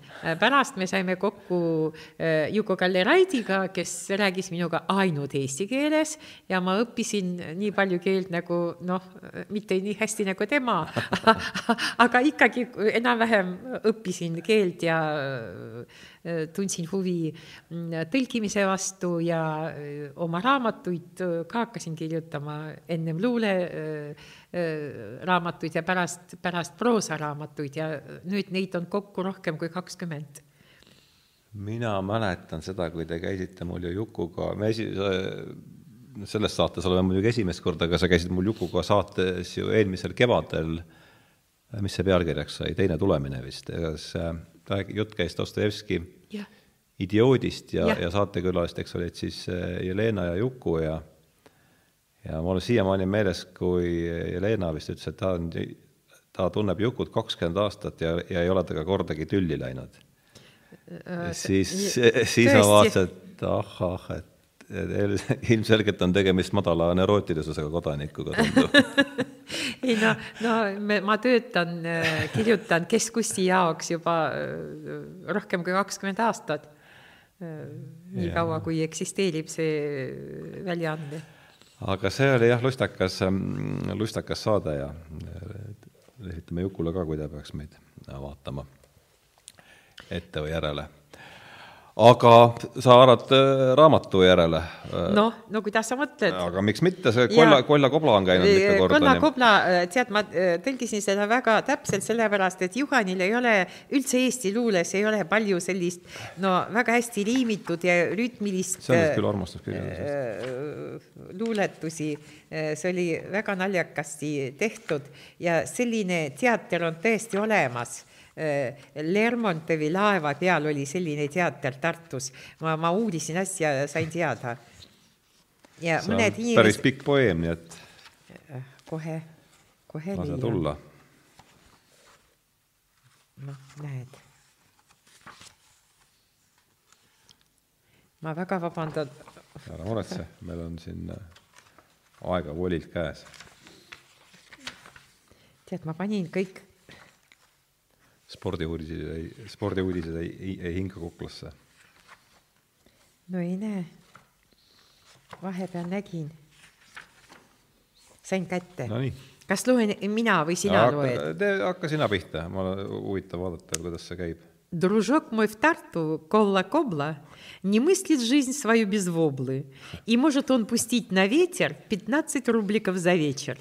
На Лермонтове ходит коком, матросом не выходит боком его стрепня, когда он трезвый, волна под килем плещет резво, а корабле не скажешь худо. Там даже есть театр чудо. Всегда актеры под рукою, матросы дружную гурьбою бегут обслуживать подмостки, скрипят натруженные доски и раздает программки Кобла, хозяин камбуза и воблы.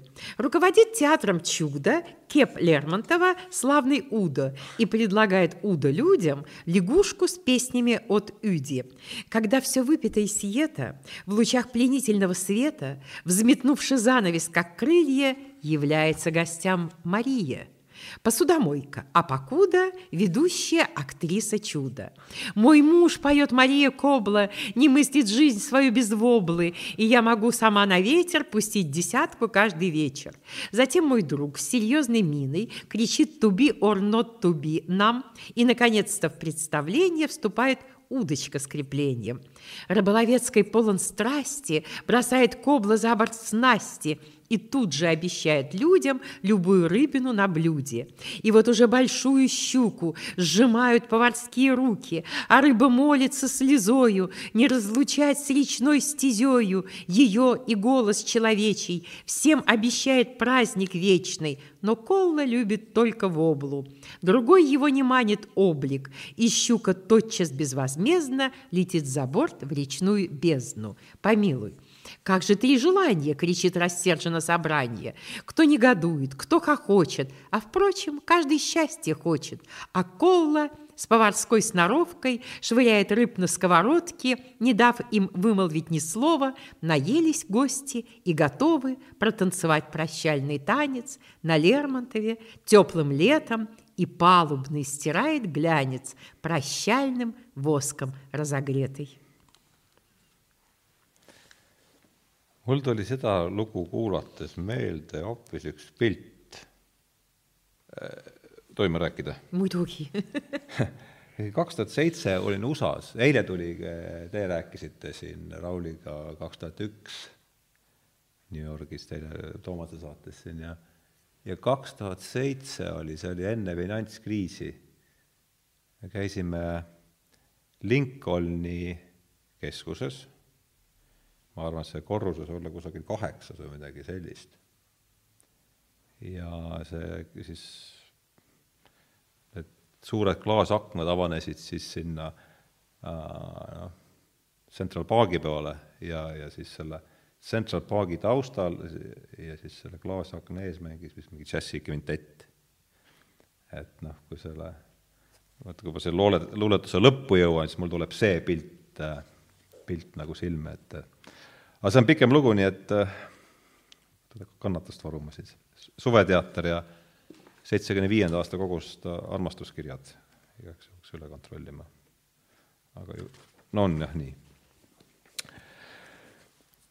mul Tart-, mul Tartus sõber Kolla Kobla, ta akna taga ripub vobla. mees teenib päevas viisteist rubli ja ta on tasane ja tubli. laev Lermontovi peal ta koka, teeb madrustele maitsva roka. Nad sõitvad Lermontovil veeteed ja puhkepäevad on neil reeded. seal laeva peal on teater judo, ei näitlejatest ole puudu. kõik madrused on, kõik madrused on head aktöörid ja kui on tarvis, piletöörid. ja minu sõber Coca-Cola saab kavalehe müüjaks olla. no mis siis pakub teater judo, kus näitejuht on kapten Uudo?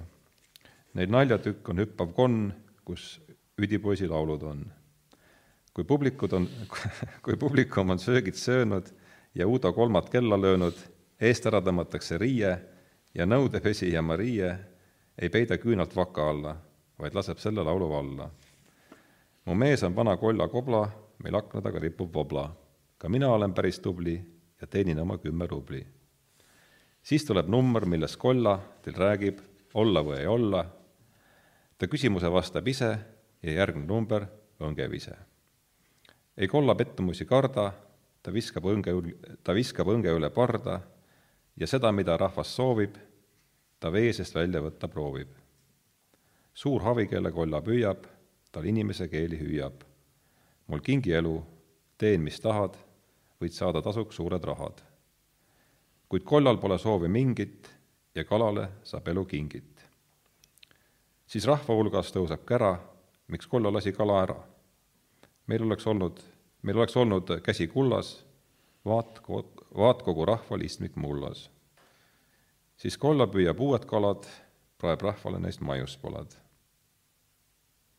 ning lõpuks tuleb õhtu nael ja kaua pöörleb laevakruvi, tants algab Lermontovi lael, mis lõpeb siis, kui möödub suvi.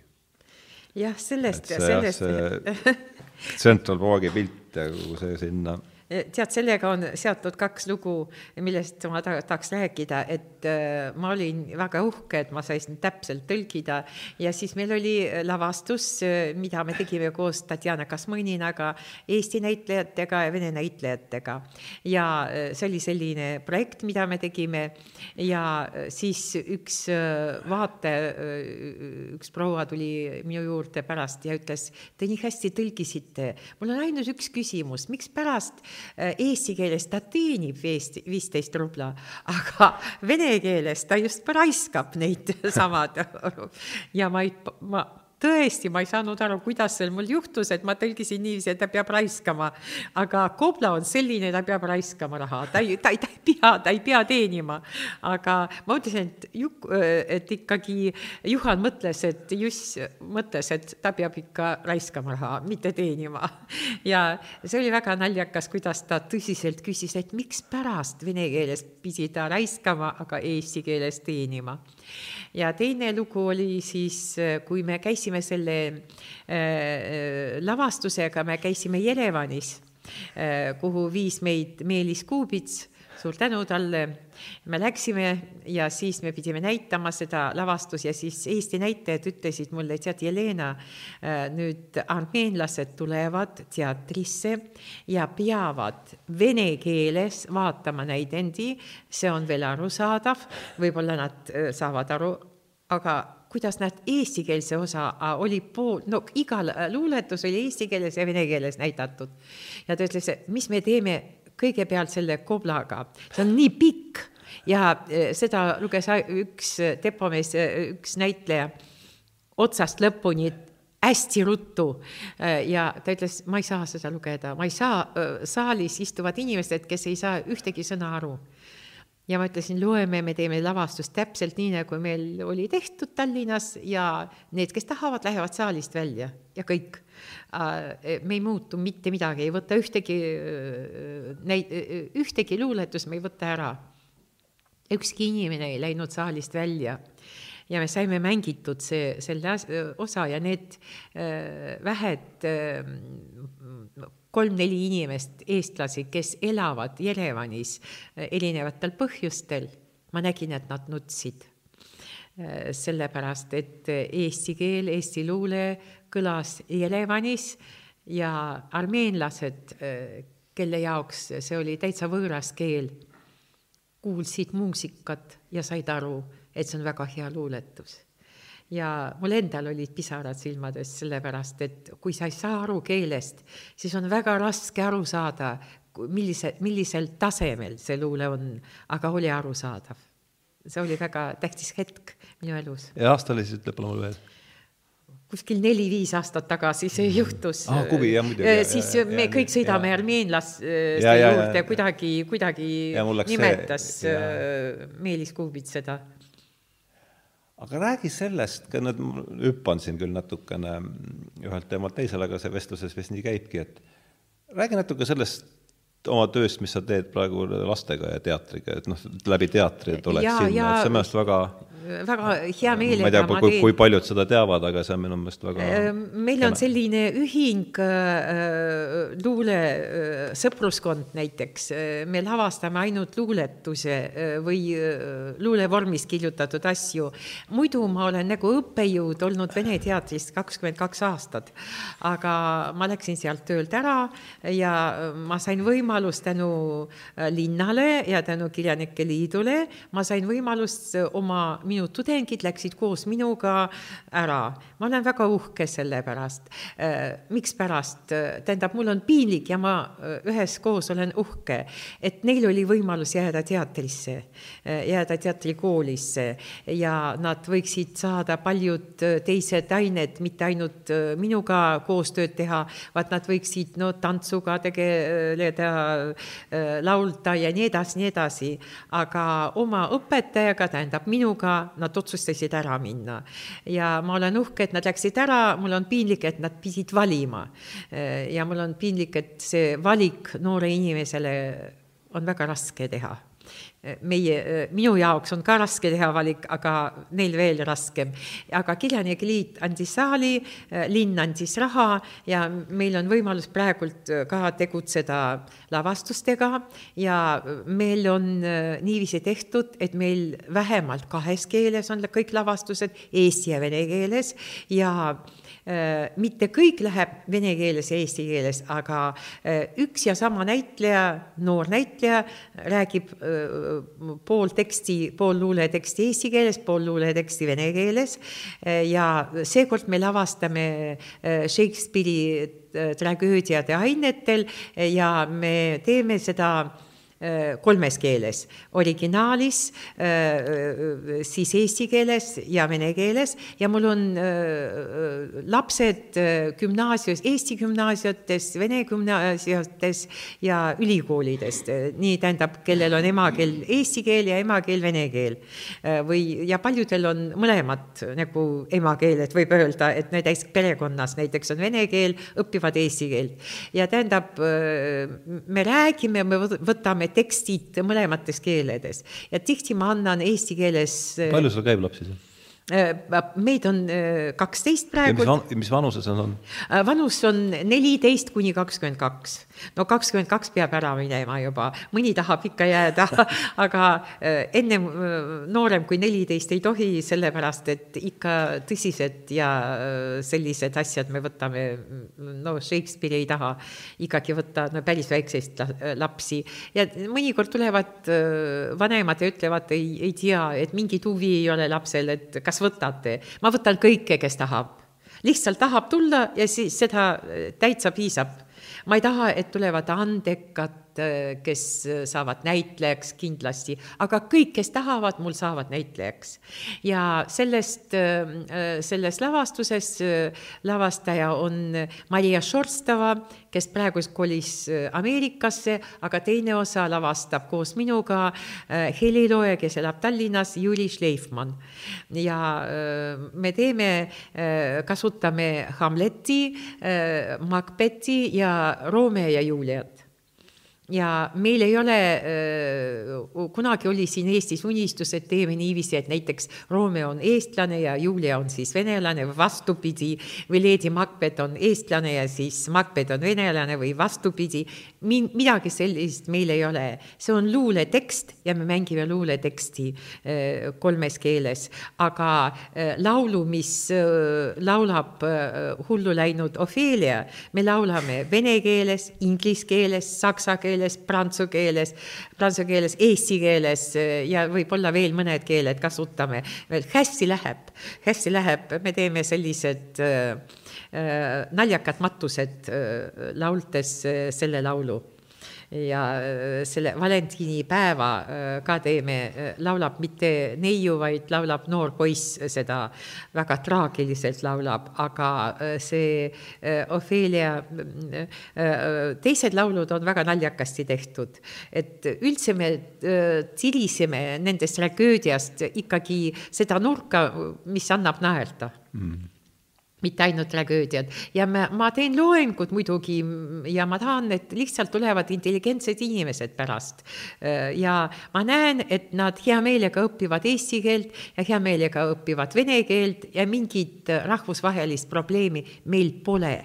Ja ei saagi olla, sellepärast me tegeleme kunstniga, kunstiga ja selle tõttu mingit probleemi ei ole. Ja ei olnudki iialgi aga tulevad noh, nagu ma ütlesin, Eesti kooli lapsed ja vene kooli lapsed ja äh, hea meelega teevad koostööd mäletan selle lavastajaga, kes ta oli, Maria Šerstova. Šorstova, jah. ja temaga oli niisugune äh, eluloost küllaltki niisugune traagiliselt lõppeda võinud seik seal äh, mis oli see teater? Äh, see oli teater Nord, Nord Äh, vest, kus äh, teda, äh, kus tulid röövlid ja panid neid kinni. see oli rohkem kui kümme aastat ja. tagasi Moskvas ja seal tulistati ja. see on mingi Nord, Nordost või mis? Nordost, Nordost, mitte Nordvest, Nordost, Nordost. ja oli see lavastus ja ta oli laulja, näitleja ja režissöör Moskvas, siis oli Siberis, siis oli jälle Moskvas, siis ta, teda kutsuti Vene teatrisse Tallinnasse, aga kahjuks ei õnnestunud tema äh, Äh, siin näitleja äh, saatus, äh, teda, ta ei saanud ühtegi osa, mida ta võiks võtta. Ja ta sai tööd ainult minu stuudios. ma kutsusin teda ja ta lavastas paar lavastusi, aga kahjuks üks-kaks korda me näitasime ja kõik siis minu tudengid astuvad iga aasta sinna, kuhu nad tahavad, näiteks kaks astusid hoopis Londonisse. Äh, lihtsalt äh, kuna me teeme kolmes keeles tihti, inglise keelt kindlasti kasutame, astusid lihtsalt, lihtsalt Londonisse.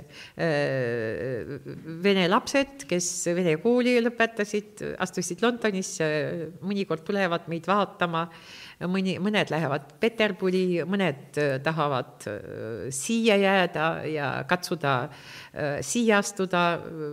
no tähendab, meil on selline seltskond, kuhu igaüks võib tulla ja kui ta saab, jääb.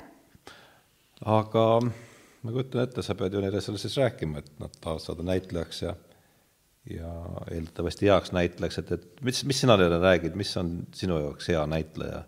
Mis on see, mida, mis eristab head näitlejat halvast näitlejast, mis, mis on see, mille poole sa neile räägid, et peaksid tead, ma eriti palju sellest ei räägi, ma räägin äh, kõigepealt äh, sellest, et äh, see inimene, kes teab peast väga palju luuletusi.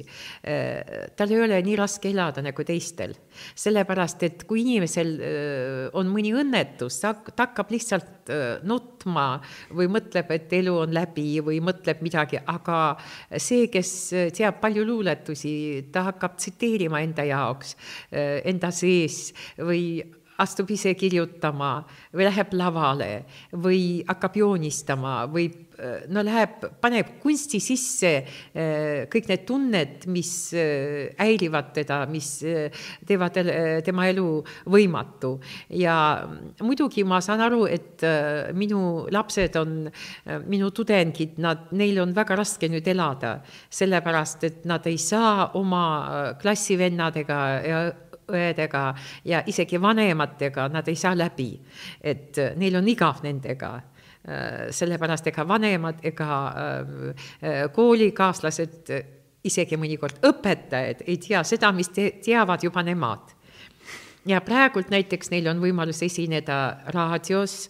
Äh, ma teen seal saadet äh, Raadio neljas, äh, kus nad loevad luuletusi või proosatükid vene kirjandusest ja nad esinesid Kadrioru muuseumis kolmekümnendal detsembril, kus mängisid Tšaikovski, ähm, Tšaikovski Времена года.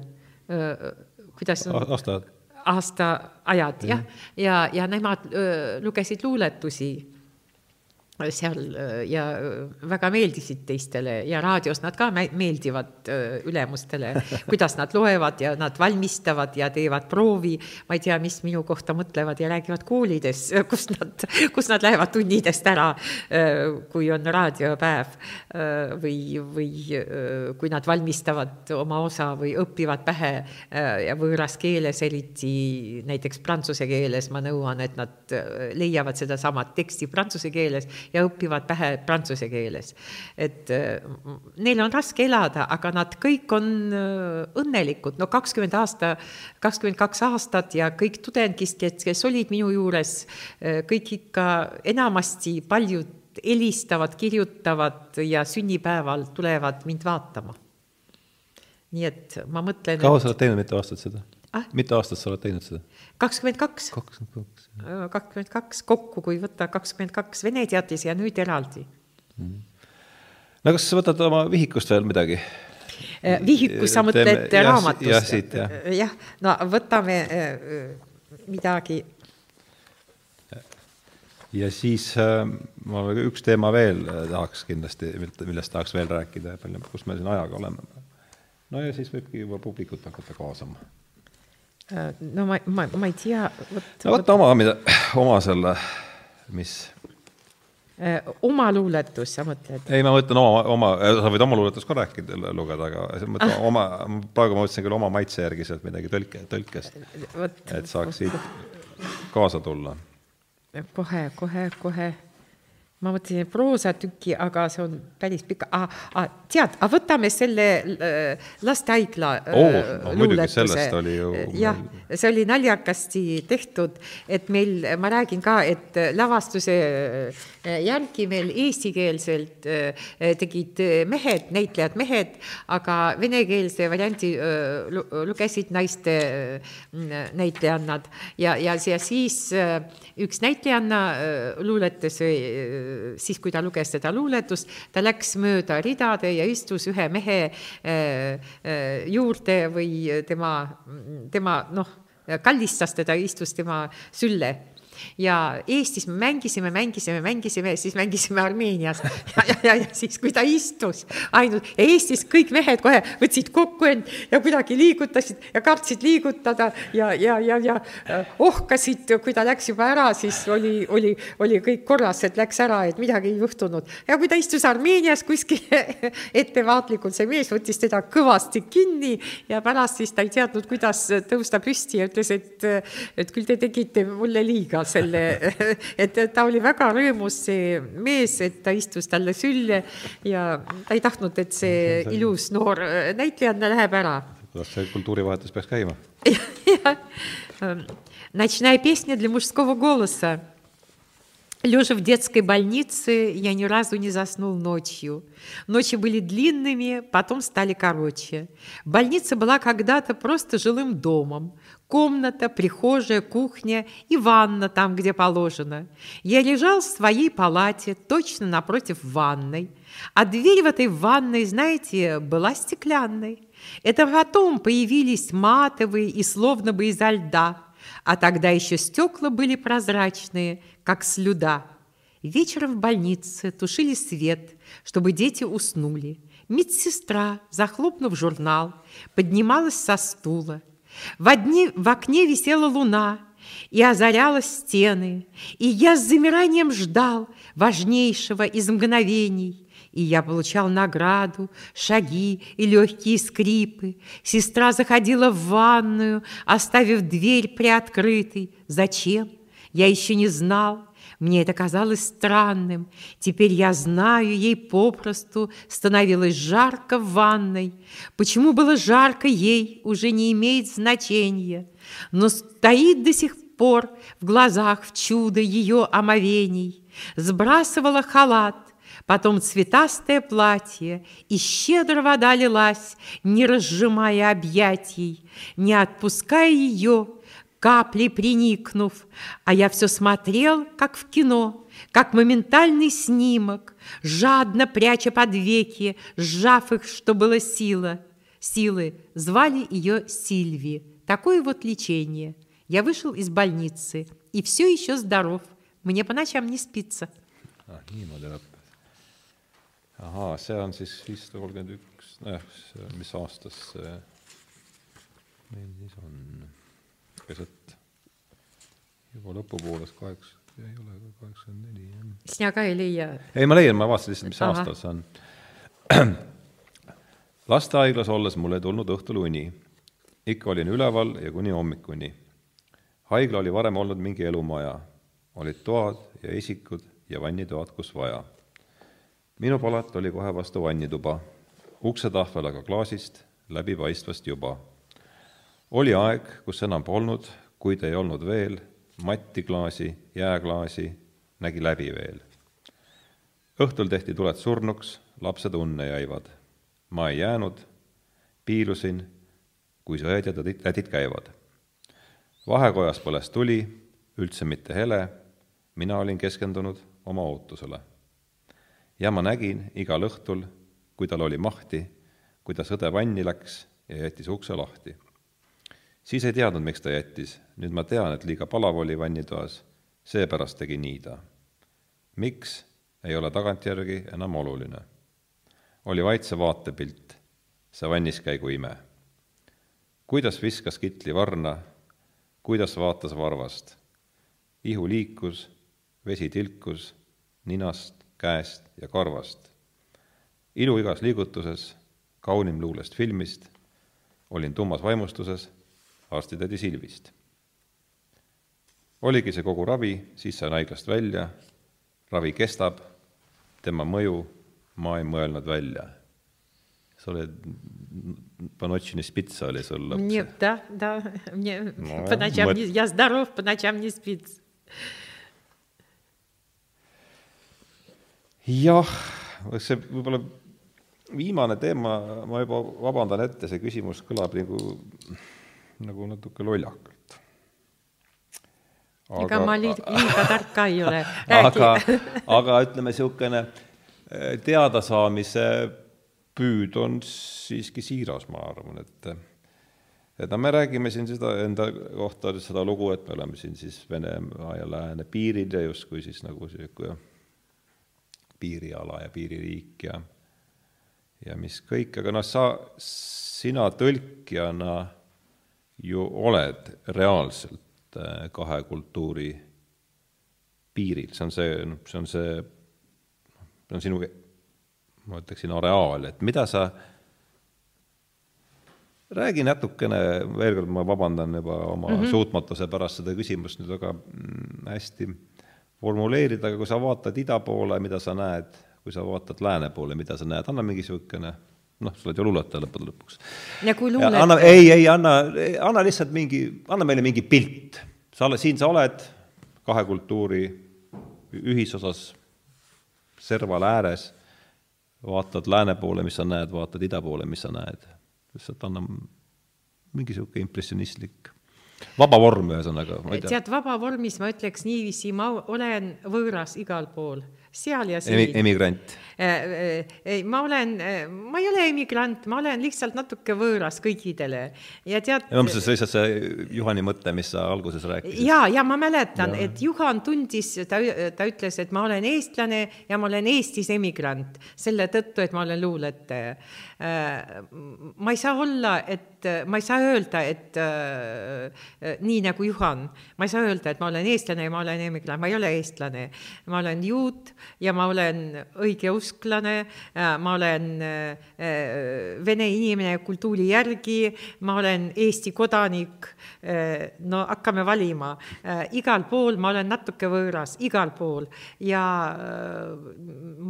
ma ei tahaks muuta oma elu sellepärast, et olles võõra, võõras, sa, sa ikka tunned palju rohkem Äh, sa tunned nagu luuletaja, nagu kirjanik, sa tunned palju rohkem, kui tunnevad need, kes äh, elavad oma kodus, oma riigis. Äh, nad on palju mugav, nende elu on palju mugavam elu kui minu elu näiteks. ma ei saaks elada kuskil mujale, mujal, aga no ma ei tea, kuidas juhtub, aga mulle, mulle meeldib see kodutu tunne, mis mul on ma olen rahul selle, selle tunnega Äh, sellepärast, et kui ma lähen äh, Venemaale, siis esimene asi, mis äh, kohe ma saan aru, et no näiteks kui ma sõidan Euroopa mööda Euroopa, ma tean väga halvasti inglise keelt nagu viienda klassi õpilane näiteks, mõtlen, et kuidas ma nüüd ütlen where is my luggage? ja nii edasi. Ja, ja where is my gate, aga siis, kui ma saabun Venemaale, ma ütlen, mõtlen, et nüüd kuidas kuidas, kuidas ma formuleerin, kuidas ma ütlen. Ja siis äkki ma saan aru, et see on minu emakeel. Ja ma räägin vene keeles ja ma näen, et kõik ümber räägivad vene keeles ja ma saan kõigest, igast nüansist aru. Ja veel paremini kui paljud teised venelased. Ja kõik räägivad kõvasti oma vene keeles, teist keelt ei olegi seal.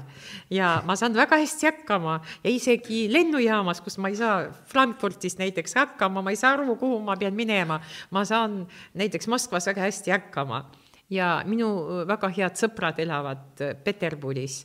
Peterburiga ma olen väga seotud, seal elab minu tütar ja tema perekond ja äh, seal on mul noh, nende maja on minu maja ja äh, sõbrad, kellega me oleme sõbrad näiteks kolmkümmend, nelikümmend aastat. Ja ma mõtlen, et äh, ikkagi ma olen siin kodus, aga kolm-neli päeva möödub ja mõtlen, et ma tahan ikka koju minna. Ja ma tulen siia ja, ja, ja ma kuulen, et noh hoopis teist keelt, ma saan ikka, ikka aru, kuidas räägivad eesti keelt ja ma näen, kui ilus see keel on ja kui seda muusikat ma armastan, selle keele muusikat ma armastan. ja ma näen, et ma võin veel mitu-mitu aastat elu lõpuni äh, ega mul ei ole jäänud mitu-mitu aastat, no nii palju nagu jäi, ma võin õppida ja õppida eesti keelt ja neid nüansse, ma ei tea veel palju nüanssi. Ja mul on väga huvitav neid nüanssi õppida. ja mul on siin tegemist sellega ja see annab mulle eh, noh, tahtmist, see on tahtmi-, suur tahtmine ja see on väga, eh, keelemuusika annab mulle väga palju, kui ma loen luuletusi, ma väga armatan Eesti luulet, sellepärast et eh, tähendab, vene luule peab kanna-, vene, luuletaja peab kogu aeg kannatama.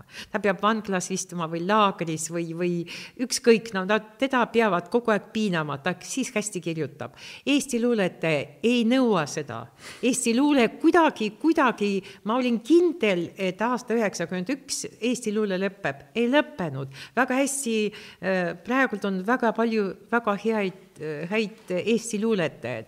Nad on väga huvitavad minu jaoks, ma vaatan, kuidas nad elavad. Nad elavad hoopis teistmoodi, nad on vabad inimesed ja see on väga huvitav minu jaoks. ja siis ma saan aru, ei, ma pean muidugi siin elama. ja kui mul näiteks eile helistas minu vana sõber Teet Kallas, ma olin nii õnnelik temaga rääkida. ja, ja me rääkisime ja mõtlesin, et mis ma tegin seal Peterburis, et ma elan siin, ma tean, et möödub kaks nädalat ja ma hakkan igatsema, ma tahan sinna ka minna või, või Euroopas mulle ka meeldib, kui ma, ma käisin hiljuti Brüsselis ja Antwerpenis ja mõtlesin, Rubensi korteris käisin äh, ja mõtlesin, et ma olen nii õnnelik, et ma võin siin korteris olla ja, ja vaadata ja mõelda, kuidas ta elas. Äh, nii et äh, igal pool on huvitav siis, kui sa ei pea kindlasti kuskil olema ja ma ei pea. nii et see on, see on äh, piinlik tunne, et sa, sa oled võõras kõikidele, aga see on teises äh, noh, teisiti kui võtta, see on väga õnnelik tunne ma võtaks omapoolse ja, ja siit annaks siis mm, järje ka publikule, võimaluse publikul kaasa lüüa, et me oleme siin nüüd sinuga kahe peale lugenud ette õige mitu luule, kümmekond luuletust vähemalt. Kahe peale kokku. et aga mis, see juba käis otsapidi läbi, see teema küll, et kui inimesel on, et need inimesed, kes teevad, teavad peast rohkem luuletusi, neil on võib-olla mingis mõttes lihtsam. Kas, kas see nii on, aga hea on vähemasti mõtelda niimoodi, ma näen seda loogikat, et aga ütle sina, sa oled keele ja luulega ju tegelenud aastakümneid, et miks see inimtegevuse sfäär, mida me nimetame luuleks, on jätkuvalt olulise, oluline ja ja, ja mul on kangesti seda, olen, olen küll kangesti seda meelt, et tema olulisus siin lähiaastatel tõuseb Äh, märgatavalt. Äh, sa mõtled, et mikspärast miks on luule oluline? Ma mõtlen äh, sellepärast, et no näiteks, näiteks äh, inimene saab aru, et see on elunorm ja see on keelenorm ja keel elab nii kaua, kui tal on luuletajad. Sellepärast, et luuletajad hoiavad keelt, mitte, mitte, mitte need karjujad, kes on tänaval. Need kasutavad kakssada sõna ja kõik, aga luulenorm ja keelenorm on üks ja sama. luule on keelenorm ja me peame sellepärast, me peame luuletusi teadma. siis me oskame oma keelt või, või mina näiteks ka natuke eesti keelt ka. Ilus ja lühike ja ammendav vastus, mul tuleb lihtsalt sellest saatest, mis me, ja nüüd ma lõpetan ise kohe ära oma patlemisega, et selles saates, kus te Jukuga koos käisite, et siia Lena rääkis, et et noh, et et üksik vene kirjanik ei tunne vastutust vene, vene keele ees, et vene keel on nagu suur nagu ookean ja seal elab oma elu, sõltumata sellest, mis seal keegi teeb ja siis Juku pistis sinna, kilkas sinna vahele, et eesti keel on nagu torm peeglaasis. ajab siiamaani mind muhelema. nii, armas publikum, võimalus esitada küsimusi, kommentaare.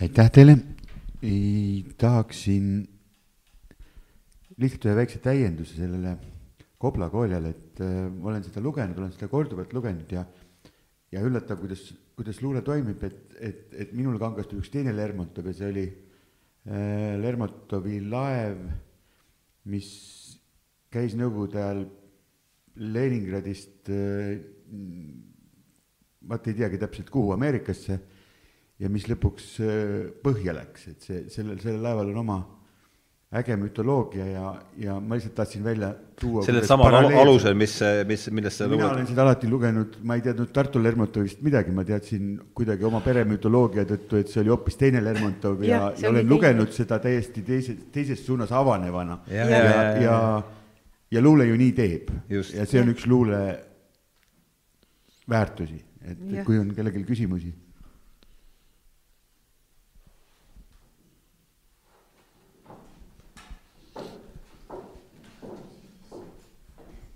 küsin Jelena käest, et te olete väga andekas inimene.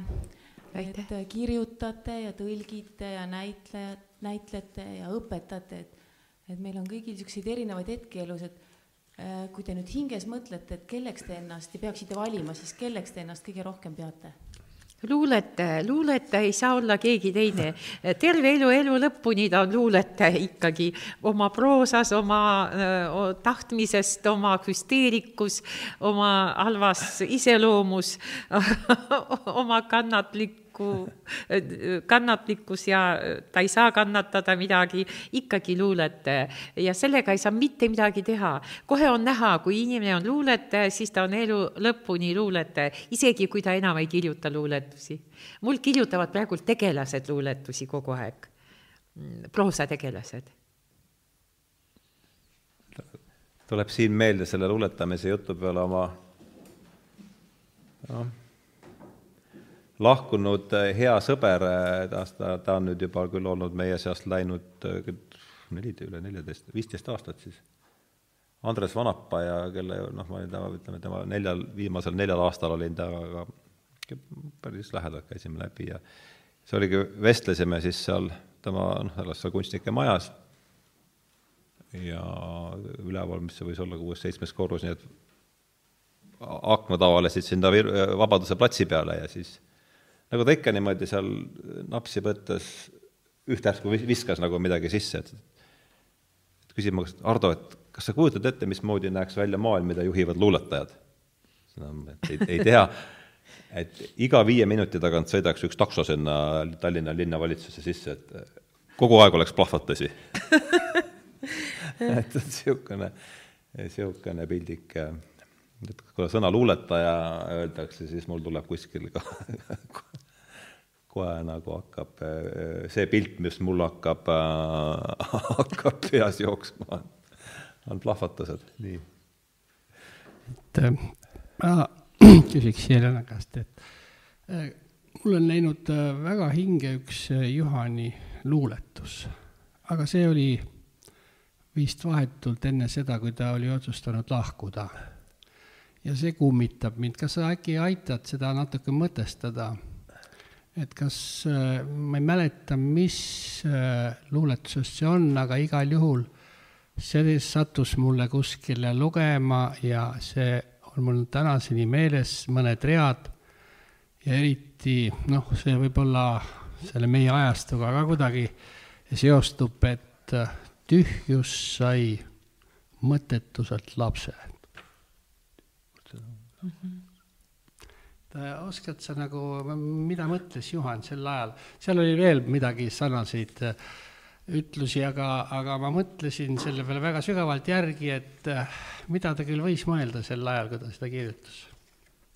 Nii mina, mina muidugi ei saa öelda seda, äh, mida ta, mida ta mõtles, aga ma tean, et elu lõpul ta, lõpus ta oli õnnetu et äh, ikkagi, ikkagi teda, äh, ta oli väga tark inimene ja see väga nagu näitleja jaoks oli väga raske äh, asi ja lavastajad ju vihkavad neid näitlejaid, kes on targad.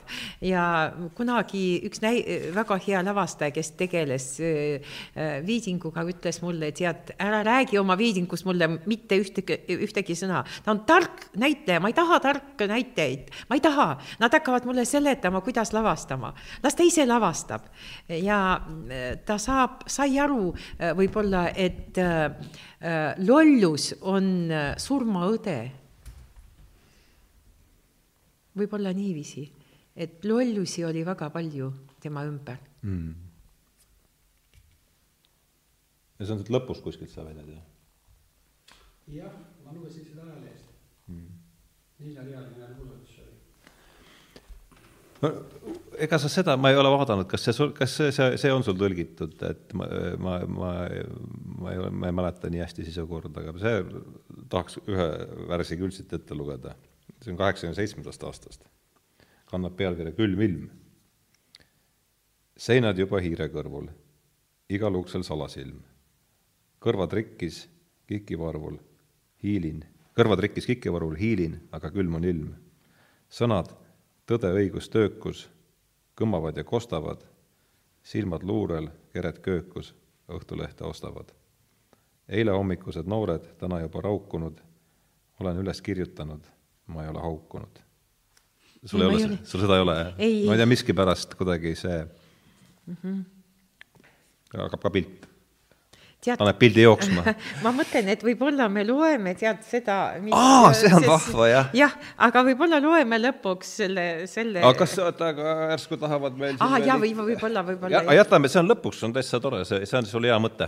jah, kui, kui, kui keegigi tahab mitte, et me nüüd, äh, me võime ju siin, kujutan ette, et äh, vahvas seltskonnas möödub aeg kiiresti, et äh, on veel kellelgi aga. ma lihtsalt tahtsin öelda, et see Hamlet oli Mikleri lavastus. Mikiveri lavastus? jah mm -hmm.. aitäh, aitäh. Ja mis aastast me siis räägi-, siin räägime umbes? ma pakun, et seitsekümmend ikka seit-, seitsekümmend lõpp. seitsekümmend üheksa, seitsekümmend kaheksa. jah, huvitav, mina nagu seda ei, ma ikka mäletan neid teatrist va- või telekast vaadatud teatrietendusi, aga selle jaoks ma vist olin vist ikkagi liiga noor. see oli Mikko lavastus, jah. suur tänu teile. sellest ei ole